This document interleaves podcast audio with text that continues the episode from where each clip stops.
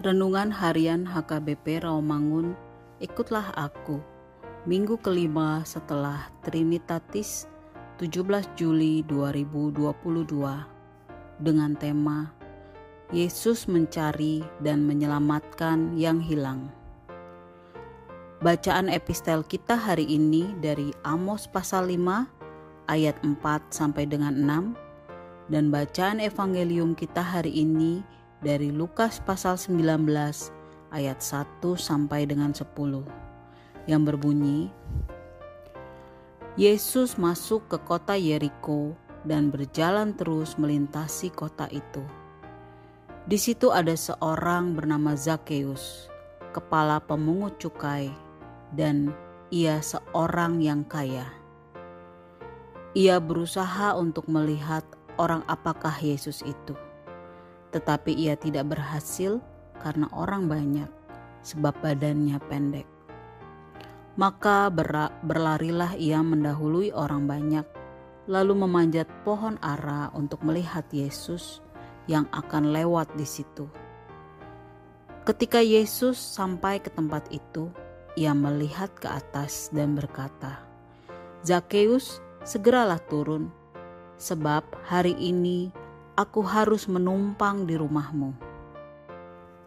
Lalu Zakheus segera turun dan menerima Yesus dengan sukacita.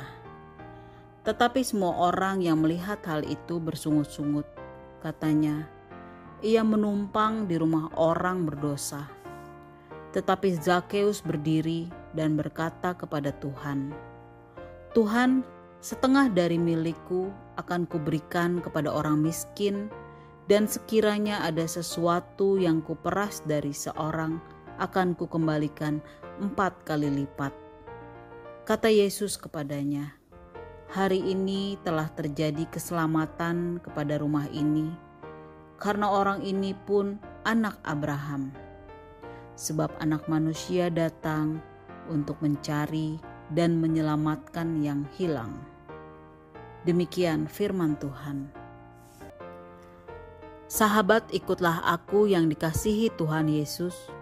Suatu peristiwa sering kali membuat seseorang itu mengalami perubahan dalam hidupnya kepada hal yang lebih baik. Peristiwa tersebut membuat seseorang semakin menyadari siapa dirinya sesungguhnya. Demikian juga dengan peristiwa perjumpaan antara Tuhan Yesus dengan Zakheus yang menimbulkan perubahan dan pertobatan dalam diri Zakheus. Meskipun untuk mendapatkan kesempatan berjumpa dengan Tuhan Yesus itu tidaklah mudah bagi Zakheus, ada banyak tantangan harus dilaluinya baru bisa ketemu. Memang, jikalau dilihat dari status ekonomi, dari kehidupan Zakheus, dia tergolong orang yang sukses karena dia memiliki kedudukan, kekayaan, dan kuasa.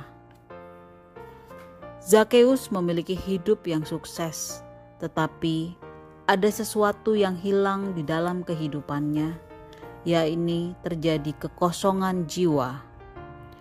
Akhirnya, dia menyadari adanya keterhilangan itu, sehingga ia mencarinya dan menemukannya pada diri Tuhan Yesus. Perjumpaan Zakheus dengan Tuhan Yesus membawanya pada suatu pengakuan dosa dan pembaharuan hidup. Zakheus yang sebelumnya hanya tahu memperkaya diri dan tidak peduli pada kesusahan orang lain, tetapi kemudian diubah menjadi orang yang peduli kepada sesama. Perjumpaan dengan Tuhan membuat Zakheus menyadari dosa, mengakui dosa, dan meninggalkan dosanya, serta memperoleh keselamatan. Perjumpaan yang membawa pembaruan hidup, sebagaimana dialami oleh Zakheus, kiranya menjadi pengalaman berharga bagi setiap orang percaya jika seseorang mengatakan bahwa dirinya adalah orang Kristen atau murid Kristus, yang telah mengalami perjumpaan dengan Tuhan, salah satu tandanya adalah pembaharuan hidup. Marilah kita berdoa.